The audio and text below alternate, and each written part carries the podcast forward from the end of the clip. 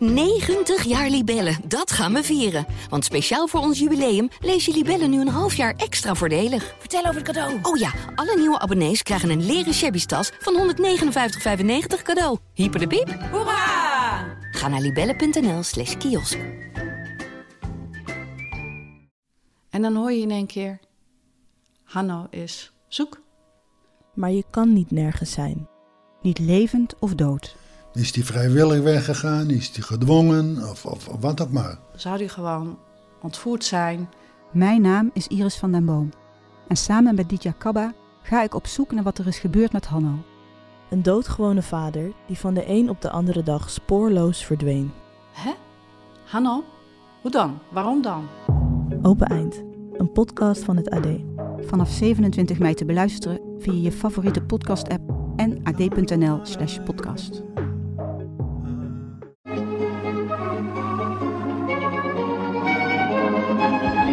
Zo, daar zijn we dan.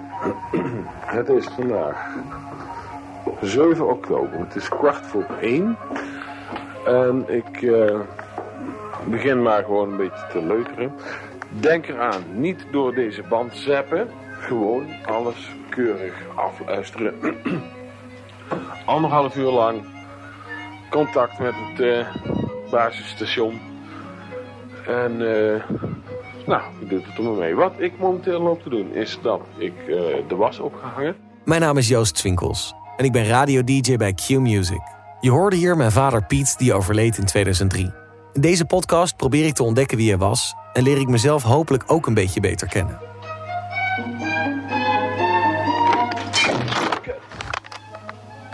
Ja, dat is ook leuk. Dat ik had het met een snoertje had ik hem. eh, ik had het met een snoertje zo. eh, en de- op netspanning. Nou, en nou flikkert hij dus naar beneden. Ik ben natuurlijk getuige bent van deze ontzettende klapper.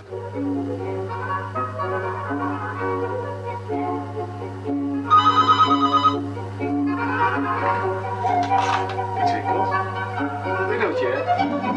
Goed? Ja. Ah, ja, valt wel mee.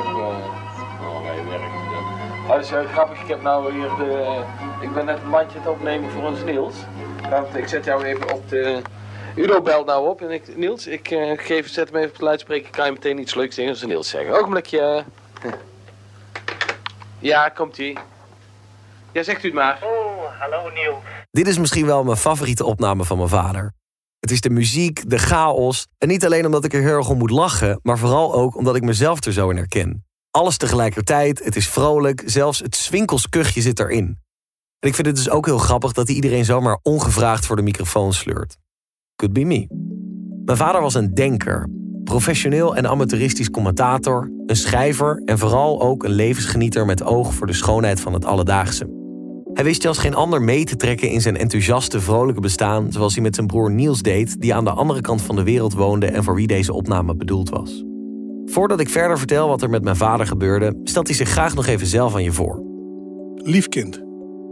Het is 11 uur in de morgen. Ik zit op de school waar ik werk en surveilleer bij een proefwerk. Er zitten maar een paar leerlingen in de klas, dus ik kan wel even wat schrijven. Ik heb me eigenlijk nog niet aan je voorgesteld. Ik ben je vader, Piet Swinkels, 42 jaar, geboren in Helmond, woonachtig in Deurne. Van mezelf ben ik eigenlijk leraar Engels. Ik heb gestudeerd aan de Rijksuniversiteit van Utrecht nadat ik vanuit Helmond het Sint-Willibord Gymnasium in Deurne had gedaan. Onderwijs zit bij mijn kant in de familie. Aan de andere kant besta je natuurlijk ook voor de helft uit de genen van je moeder. Bij Van Bussel doen ze niks liever dan optreden. Zang of toneel, altijd leuk. Even over mezelf. Ik geef acht uur les in het vak Engels aan het ROC Ter A in Helmond. Dat doe ik nu voor het 22e jaar. Ik was er vroeg bij, want ik ben op mijn 21ste al gaan lesgeven aan de MEAO, zoals het toen nog heette. En ik werk tot op heden nog steeds bij dezelfde school. Dat is minder saai dan het zou lijken. Ik heb er altijd veel dingen bij gedaan, zoals het spelen en schrijven en regisseren van cabaret. Je moeder is een schat. Ze was de mooiste van de hele school en al haar klasgenoten waren jaloers op me. We hebben er nooit stiekem over gedaan, overigens. We vonden dat we niets te verbergen hadden, dus zonder ermee te koop te lopen zijn we gewoon onze gang gegaan. Haar beste eigenschap is eigenlijk dat ze heel lief is. Verder komen we daar nog wel een keer over te praten. Je hebt ook een broer, Koen. Dat is ook een schatje. Altijd vrolijk en een makkelijk kind. Ik hoop van jou hetzelfde. Niet alleen voor ons, maar vooral voor jezelf. Want mensen die moeilijk zijn voor anderen, zijn voor zichzelf vaak nog moeilijker. Liefs, Piet. De uitdrukking zo vader zo zoon is in dit geval toch een klein beetje van toepassing. Net als mijn vader begon ik ook vroeg met werken. Ik was 17 jaar toen ik bij Q-Music begon. Nu, 7,5 jaar later, werk ik er nog steeds. En naast het radio maken doe ik er net als mijn vader nog een aantal dingen naast. Ik ben de schrijver van de Worldwide Club 20, het danceprogramma wat je op zaterdagavond hoort op Q-Music. Het maken van videoseries vind ik ook erg leuk en nu dus deze podcast. Je kunt wel stellen dat ik de liefde voor praten en maken van niemand vreemd heb. Het idee voor deze podcast ligt al sinds 2018 op een plank in mijn hoofd. Twee jaar geleden heb ik al eens een keer een klein beginnetje gemaakt. Ik wilde heel graag in gesprek gaan met mensen die mijn vader goed hebben gekend. En met wie kon ik beter spreken dan met zijn boezemvrienden van de middelbare school, Theo en Lex.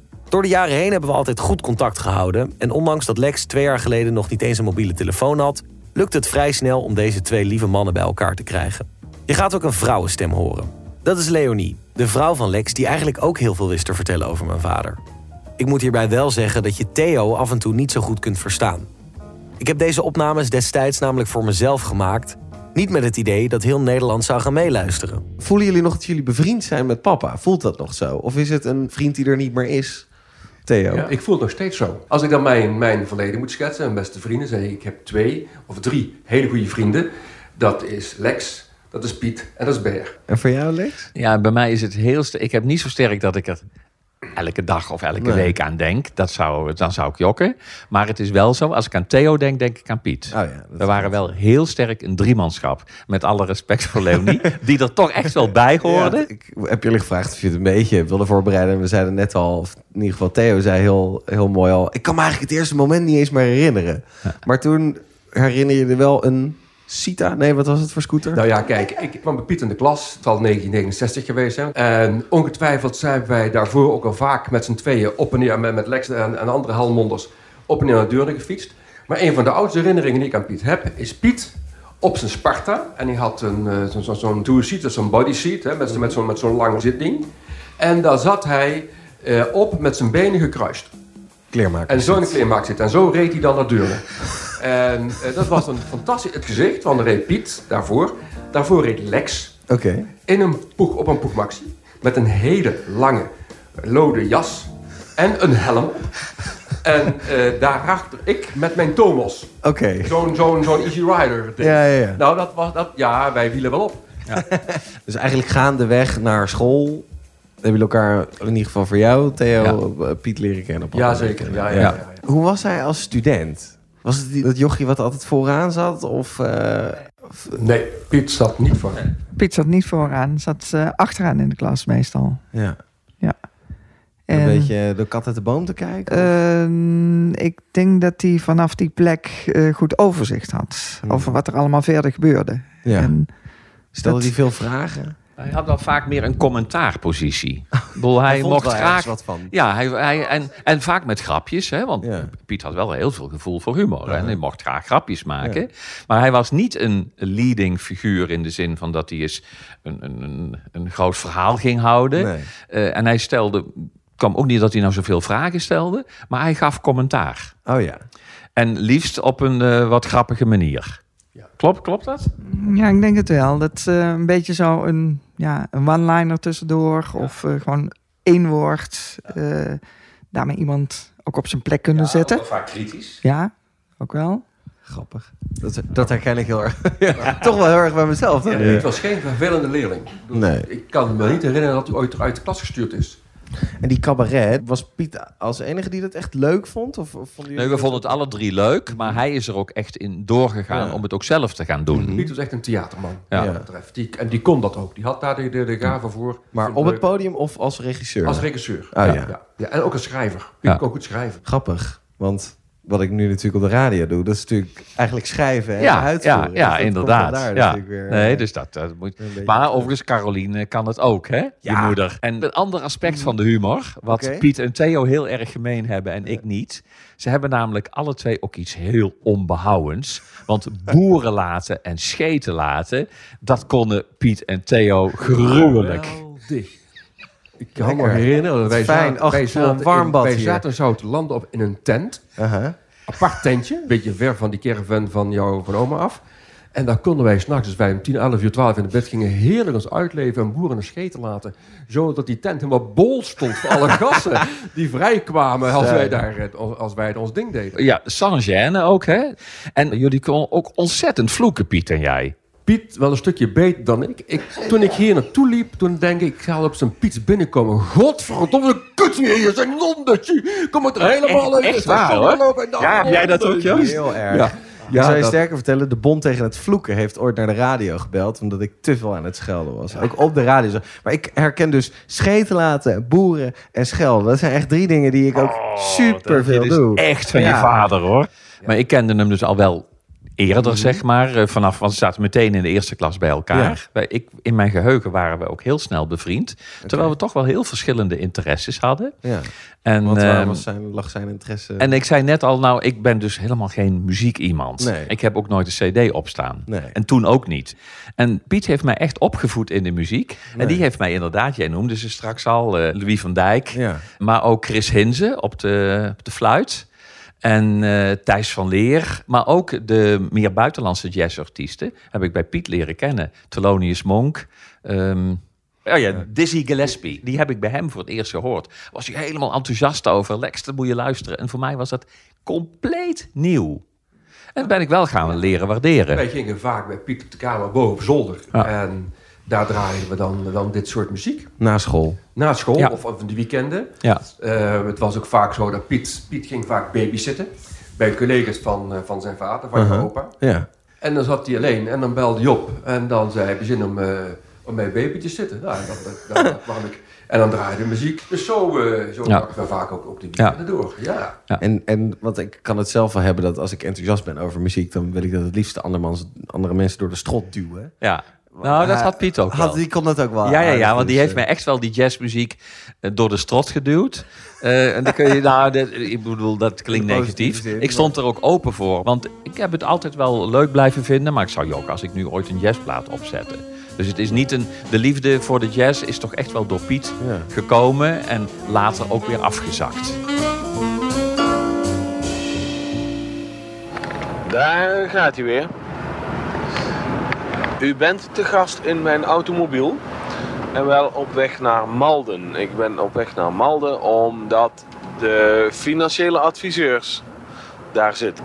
Ik ben altijd meer geneigd om te zeggen, ja, die jongen die mijn belastingformulier invult. Maar sinds dat ik mijn bedrijf heb, is er verdacht wel sprake van een financieel adviseur. Ehm, ja, het is altijd een beetje een rare weg deze. Want de weg naar Malden is ook de weg naar Nijmegen. En je zult wel begrijpen welke herinneringen er van mij kleven aan de weg naar Nijmegen. Hoewel dat natuurlijk ook steeds minder wordt. Ja, echt verdwijnen doet het niet. Ik rijd nou eh, naar Malden toe. En ik eh, vond altijd wel de weg van Malden naar huis een stuk mooier dan de weg van huis naar Malden. Maar dan zullen we wel begrijpen hoe dat ging. Want dan had ik weer goed bericht gehad. En dan had ik natuurlijk altijd wel meer reden om eens, ook eens op de natuur te letten. Als ik heen reed, dan had ik altijd alleen maar reden om op mijn eigen natuur te letten. En in mijn piepzak te zitten. Ja, je kan zo nou zien dat het hier herfst wordt. Als ik zie nou bijvoorbeeld een bosrand en er is nog een hoop groen.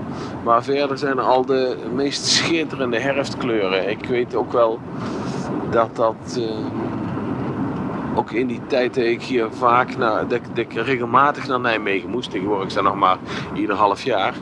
Dat ik... ehm, ja, dat, ik, dat, dat hij hier dus gewoon iedere keer in de zomer mooi is en in de lente mooi is en in de herfst mooi is. Dit is gewoon een heel mooi stukje. Mijn vader is acht jaar lang schoon geweest, maar moest wel elk half jaar naar het ziekenhuis voor controle. Ik kan me zo voorstellen dat als je zo ernstig ziek bent geweest, dat je altijd bang bent dat het weer terug gaat komen. En die angst bleek niet geheel onterecht, zo vertelde mijn moeder. Ze moesten weer terug naar Nijmegen en zagen daar behandelend arts Dr. Muus. Dan zegt Muus uiteindelijk toch, ja, het is weer niet goed. Ja, ja. Ja, dan was jij 2,5 en Koen was 5. Ja. Inmiddels, ja. Hij omschreef het als morgen eh, is het storm in een glas water of de wereld stort opnieuw in, zeg maar. Ja, dat was een beetje ook weer een nieuwe beenmergpunctie. En eh, het kon dan zeg maar een soort longontsteking zijn of de leukemie was terug. Ja.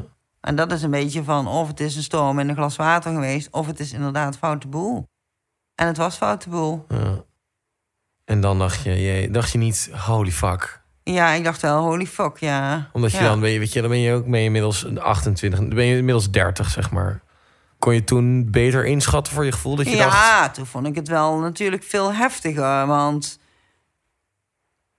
je wist natuurlijk wel van... ja, daar gaat nu de komende jaren iets... iets gaat hij dit redden of niet? Mhm. Eh, zover probeerden we ook maar niet vooruit te kijken. En we hadden een hele positieve arts. Dus is- er waren heel veel mogelijkheden. Inmiddels was ook natuurlijk de wetenschap weer verder. Hè? Ja. Qua behandelingen en dat soort dingetjes. Dus daar was wel volledig vertrouwen van... nou, wij gaan dit de tweede keer ook weer Overleven. dat- overleven. Ja. Heb je dat uiteindelijk ooit eens aan ons daarover verteld of zo? Ik kan me namelijk niet meer herinneren dat jullie ooit aan ons hebben verteld... oh, nou, papa is ziek. Natuurlijk is dat, hebben we wel gezegd van papa is ziek of zo. Ja.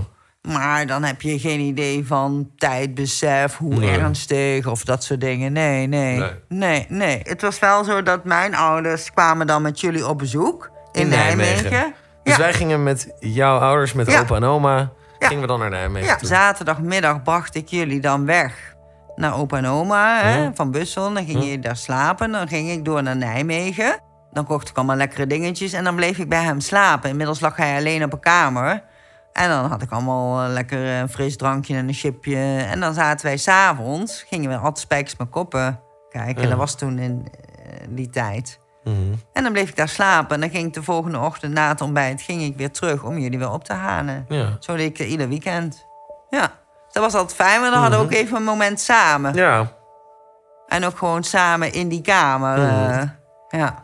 Ik weet niet, maar ik moet er dan... Ik vind het zo'n lief, lief moment of zo. Ja. Om, omdat ik gewoon dan denk, jezus, dan ben je dus zo jong. En dan, als ik daar nu dan later over nadenk, denk ik, jezus, wat... Hoe?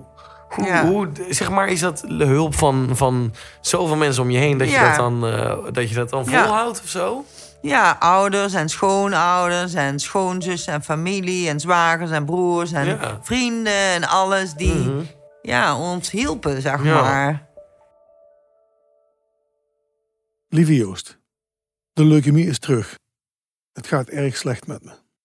Ik weet niet wat ik moet schrijven. Het is ook gewoon niet zeker dat ik het overleef.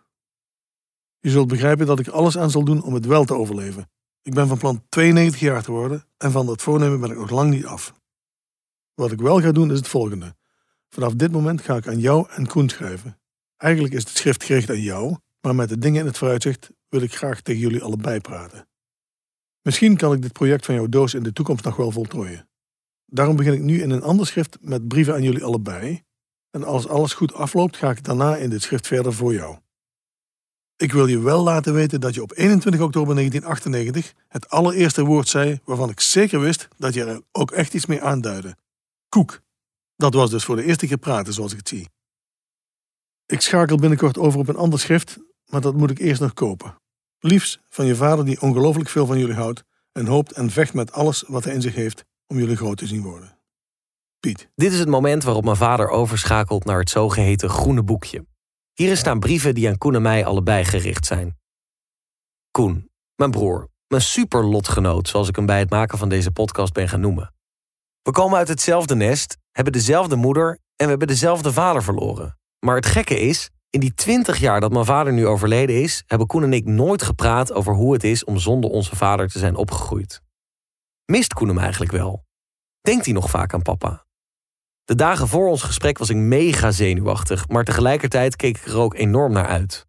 Soms moet je blijkbaar een hele podcast maken om een gesprek te beginnen over iets dat een heel belangrijk onderdeel is van je leven. Hoe vaak denk jij aan papa? Ik heb daarover nagedacht. En ik realiseerde me dat ik eigenlijk dus niet meer zo heel vaak aan papa denk. Nee? Nou, het komt denk ik omdat hij... Nu natuurlijk in januari is hij 20 jaar dood. Ja. En wij waren alle twee natuurlijk heel jong. Mhm. Dus als je zo jong je ouder verliest... Ik weet niet, op een gegeven moment is het een beetje uit je systeem gegaan... omdat je ook niet anders gewend bent. Wel op momenten ehm, die een soort van belangrijk zijn... of grootste momenten, denk ik zeker wel aan hem. Mis je hem dan Ehm, ook? Ja, Ja, nou ja, ik, kijk, weet je wat het, eh, het ding is? Ik zie dan bijvoorbeeld Matthijs met zijn vader. Ja, jouw vriend. Mijn vriend. Ze hebben een hele leuke band met elkaar en zo. En ik denk daar soms wel eens over na van... oké, hoe was dat nou geweest als ik wel nog steeds een vader had gehad? Ja. En eh, of dat wij dan zo'nzelfde soort band hadden... of dat het anders is. En ik vind het bijvoorbeeld wel heel jammer dat hij het niet heeft kunnen zien... hoe wij groot zijn geworden, Ja. zeg maar. Herinner jij je nog veel? ze, ze zitten wel in mijn achterhoofd of zo, maar het zijn geen actieve herinneringen meer. Dus bijvoorbeeld, ik kan me nog, ik herinner me dat papa in eh, Nijmegen in het Radboud Ja? eh, lag. Jij kunt dat ziekenhuis nog wel herinneren. Ja, nou ja, dat is dus een beetje de vraag van, heb ik daar een soort van actieve herinnering aan? Mhm. Of is het zo dat ik die herinnering heb aan die tijd in het ziekenhuis Omdat iemand je het vertelt. Omdat heeft iemand mij verteld heeft dat papa dan op een kamer lag met uitzicht op de sterrenwacht en dat soort. Ja, oh ja, dus dat eh, ken ik helemaal niet. Oh ja, nee. En ik, ik weet, volgens mij stond er ook een zo'n soort, soort eh, fiets. Zo'n. eh, Gewoon zo'n home trainer. ja, een home trainer, ja. En wat ik me wel actief nog herinner. Is toen wij op die eh, rode bank zaten in de, in de Oh, ja. woonkamer. Toen, toen eh, papa en mama vertelden dat papa niet meer beter Ja. zou worden. Dat herinner ik me dus ook supergoed nog. Ik herinner me nog een soort van dat wij om papa heen zaten of zoiets. En dan hij in het midden. En Ja. dat, het, dat het ons toen min of meer verteld werd. Maar grappig dat wordt jou- even medegedeeld. Zo van, ja, nee, Ja. maar het gaat dus niet... eh, Nee. nee. Weet jij vakanties naar Frankrijk nog zo? Ja, ik weet wel camping Mas de la Cam. Toen weet ik nog dat daar bosbranden waren. En voordat we zeg maar die camping opreden... Heel smal brug. Heel smal bruggetje. En als ik Buena Vista Social Club hoor... Ja. Die... eh, ja, Als je dan dat liedje hoort, de- wat denk je dan? Wat voel je dan? sowieso vind ik, het, vind ik het een heel mooi nummer. En het, het, het geeft me een soort van instant vakantiegevoel. Ja. Maar het is niet dat je dan direct denkt aan de laatste vakantie met papa in het buitenland. Nee, nee, nee, nee, dat, niet. Nee. En dat, dat is echt een soort van. eh, Dat komt echt omdat het gewoon al heel lang geleden is. Ja. En wij leven natuurlijk al veel langer zonder hem dan met hem. Mhm. En ik moet eerlijk zeggen dat ik, ik denk ook wel dat het. Ik, wil- ik wil ook verder niemand daarover beoordelen. Ja. Maar ik denk wel dat het. ehm, dat het ook best wel gezond is. Laat ik zo Ongezond zeggen. zijn als je Ongezond het- zijn als je nu nog. Hè, als je na twintig jaar nog steeds een soort van. Daar nog heel. Nou ja. Heel, actief mee bezig. Dat je na twintig jaar nog vragen hebt en daar een podcast over gaat maken. En ja, dat is eigenlijk best wel ongezond. Nee, maar ik snap Nee. wat je wil zeggen. Dus Ja. als je nog na twintig jaar nog steeds iedere dag aan het huilen bent, dan... Ja, dan... dan Kijk, ja. voor mijn gevoel ben ik er veel meer mee bezig dan dat jij dat bent. Mm. Ik, ik, ik zit er veel meer in. Ik heb nog veel meer vragen. Ik heb het idee dat jij dat helemaal niet hebt. Ehm, ja, ik, ik zou niet kunnen zeggen waar dat nou precies aan ligt. Nee. Kijk, het is niet zo dat omdat ik er minder mee bezig ben... dat hij niet eh, levend blijft in Nee, mijn hoofd. nee. Maar er zijn niet een soort van essentiële levensvragen... die ik heel erg aan hem Nee. nog zou willen stellen. Maar ja, ja, ja wat, wat voor, maar wat voor vragen heb jij dan nog meer aan hem? Nou, ik ben echt wel een beetje een keer eh, vastgelopen. Dat ik echt dacht, oké, ik moet Ja. gewoon even met iemand gaan praten. Want ik merk dat ik zo sterk op zoek wil gaan naar waar ik op lijk. En ik wil- echt een beetje weten, oké, waarom maak ik misschien bepaalde keuzes? Waarom ben ik minder een soort avonturier? Is het dan omdat ik dat niet in mijn Mhm. karakter heb? Of komt dat bij papa vandaan of bij mama vandaan of zo? En bij mama weet ik dat dan wel, maar Ja. bij papa heb ik dat gewoon helemaal niet. En Nee. ik merk dat ik daarom een beetje aan het zoeken ben naar... waar lijk ik nou op? Wat ik dus ook wel grappig vind, die schriften, die liggen bij mij thuis. Die Ja. liggen niet zozeer bij jou. Nee. Dus ergens heb ik toch een soort drang en wil ik toch een beetje weten hoe die periode dan rondom die ziekte was en zo. Ik Ja, dat en- jij dat misschien wat Nou, hebt. ik, ik zal je vertellen. ehm, de reden eigenlijk waarom ik dat nooit heb eh, gelezen nog... want het is best wel een essentieel stuk Geschiedenis. ges- zeggen, geschiedenis ja. Voor eh, ons voor ons dan. Papa die heeft natuurlijk die tijdscapsule voor ons toen gemaakt. En je moet je even voorstellen op het moment dat je dan zo'n doos openmaakt. Die was gewoon een bruine doos natuurlijk, verzegeld. Ja, jij hebt dat natuurlijk zelf ook ervaren. Mhm. Eh, dat vond ik een, he- was een heel emotioneel moment, omdat je je krijgt een soort van eh, geschreven briefkaart eigenlijk van een overledene. Ja. De- maakt het ook meteen heel tastbaar, hè? omdat je, je kan letterlijk zijn handschrift Ja. voelen. Dus ik weet ook dat ik dat nog deed, dat ik zo een soort van met mijn vingers zo over, over, die, over die regels ging. Van, oh, hier heeft hij ook Aangezeten. aangezeten of zo. Ja. Ja. ik weet niet. Iets vasthouden, iets voelen, zijn handschrift voelen, dat dat, dat eigenlijk een van de weinige manieren is waardoor je het gevoel hebt dat je dichter bij hem komt of zo.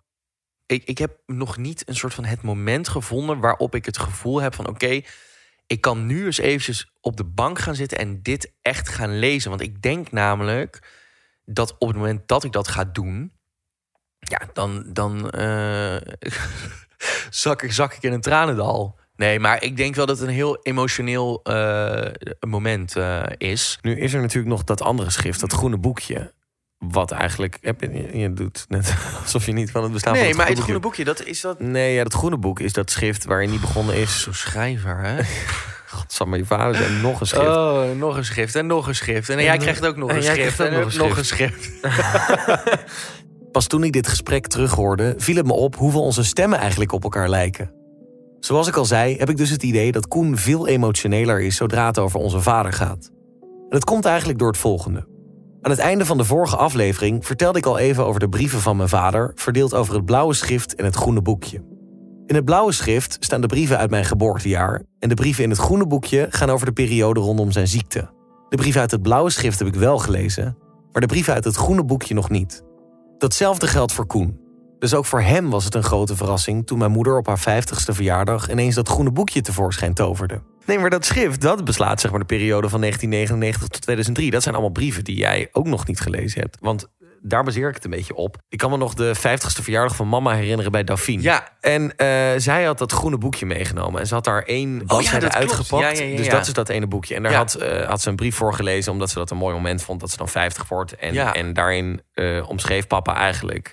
van ja, oké, ik zie jullie nu voor me... zoals jullie eh, dan later zullen worden als twee Ja. grote sterke mannen. En ik weet Ja. nog, bij de tweede zin...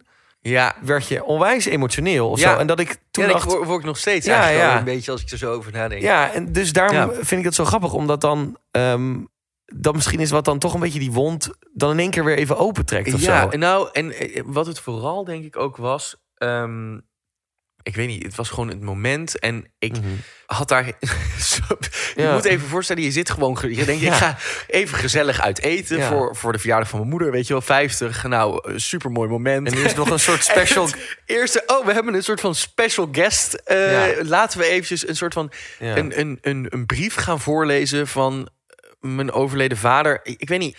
Ik heb geloof ik tegen mama gezegd van... wil je dit alsjeblieft nu niet doen? Want ik merkte heel erg aan mezelf dat ik, dat ik er heel emotioneel van Ja. werd. En dat ik dacht van ja, ik weet niet, dat hoefde voor mij op dat moment eigenlijk Nee. niet. Omdat het gewoon iets heel feestelijks was Ja. of zo. Terwijl, en ik weet nog dat mama daar eigenlijk ook een, volgens mij een beetje van schrok of zo. Mhm. dat, dat ik daar zo... Nou ja, ik emotioneel- er in alle eerlijkheid ook van dat je er Ja. zo emotioneel van werd. Maar daarom Ja. dacht ik, oh, zit er dan misschien nog toch heel veel soort van onverwerkt verdriet, waardoor je dat misschien logisch dat het een heel emotioneel moment is, maar dat je het dan misschien toch wat minder goed nog kan horen of zo. Ehm, Althans, ik kan die brieven en zo. Ik heb het idee dat ik dat heel makkelijk allemaal tot me kan nemen. Zonder dat ik echt Ja. volledig in huilen uitbarst. En ik hoef eigenlijk nog maar twee zinnen te citeren. Ja, en ja, het- ja, het, ja, ja, ja. borrelt bij jou allemaal tranen op. Terwijl ik dat misschien wat minder heb. En eigenlijk, dit is eigenlijk heel gek, hè, als je het zo, als je het zo bekijkt. Want we zijn het er alle twee over eens dat jij er volgens mij meer mee bezig bent dan ik. Ja. Maar op het moment inderdaad, dat jij kan eigenlijk die, die, die brieven, dat kan je heel makkelijk tot je nemen.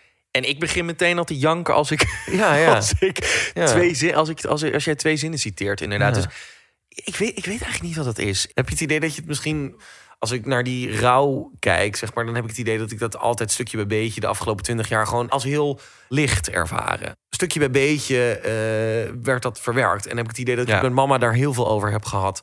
Eh, en dat dat heel fijn was. En ik heb het idee dat jij dat misschien soms wat meer voor je uit hebt geschoven. Zou dat kunnen? Het is, het is een beetje. Ja, ik weet, ik weet, ik, ik zou daar geen antwoord op kunnen geven wat nou de reden is dat ik dat nog niet heb gedaan. Het is eigenlijk wel grappig, want die vraag heb, heeft eigenlijk nooit iemand mij gesteld.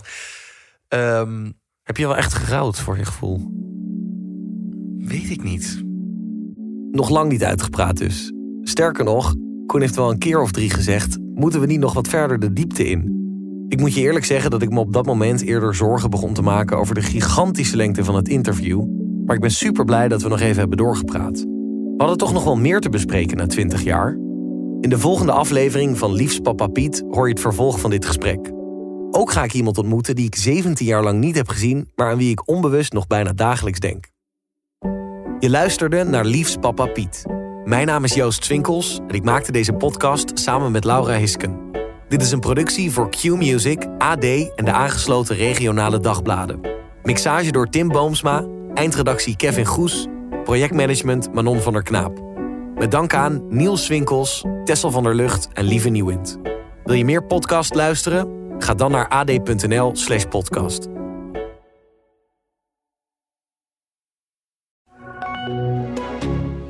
Iedere dinsdagavond een nieuwe AD Media Podcast. Waarin we alle hoofd, rand en bijzaken van de media onder de loep nemen. Met als vaste gasten tv-columniste Angela de Jong. Ik schrijf natuurlijk al vijf dagen per week over televisie. Maar we maken ook nog een podcast. Mediajournalist Dennis Jansen houdt van een potje voetbal. En nee, Ja, nee, dit is een uitstekende promo. Ja, hè? Ik vind het altijd bij VI zo leuk dat die promos dan mislukken en dat ze die dan gebruiken. vlak radio ook niet uit, want mediajournalist Mark den Blanke heeft een voorliefde voor radio. Ja, radio is echt. En, eh, en eh, bijna altijd live. En daardoor, als het goed is... Dit was echt heel erg echt, Mark. Ja. Hey, maar dit is hem niet. Volgende keer nemen we hem op, toch niet, die promo? Nee, helemaal niet. We moeten gewoon even iets maken nu. want Ja, ja, monteer eh, vast, joh. achterweg. Heb je genoeg? Flans wat in elkaar, joh. En mijn naam is Manuel Venderbos en iedere dinsdagavond is er een nieuwe AD Media Podcast. Nou, dat is in één keer goed volgens mij, of niet? Knap, hè? Ja, Luisteren dus. Jij vertelt trouwens niks over jouzelf. Oh, moet ik dat ook doen? Manuel Venderbos, de mediahoer van Hilversum. Iedere dinsdagavond de AD Media Podcast. 90 jaar Libellen, dat gaan we vieren. Want speciaal voor ons jubileum lees je Libellen nu een half jaar extra voordelig. Vertel over het cadeau. Oh ja, alle nieuwe abonnees krijgen een leren shabby tas van 159,95 cadeau. Hyper de piep. Hoera! Ga naar libellen.nl slash kiosk.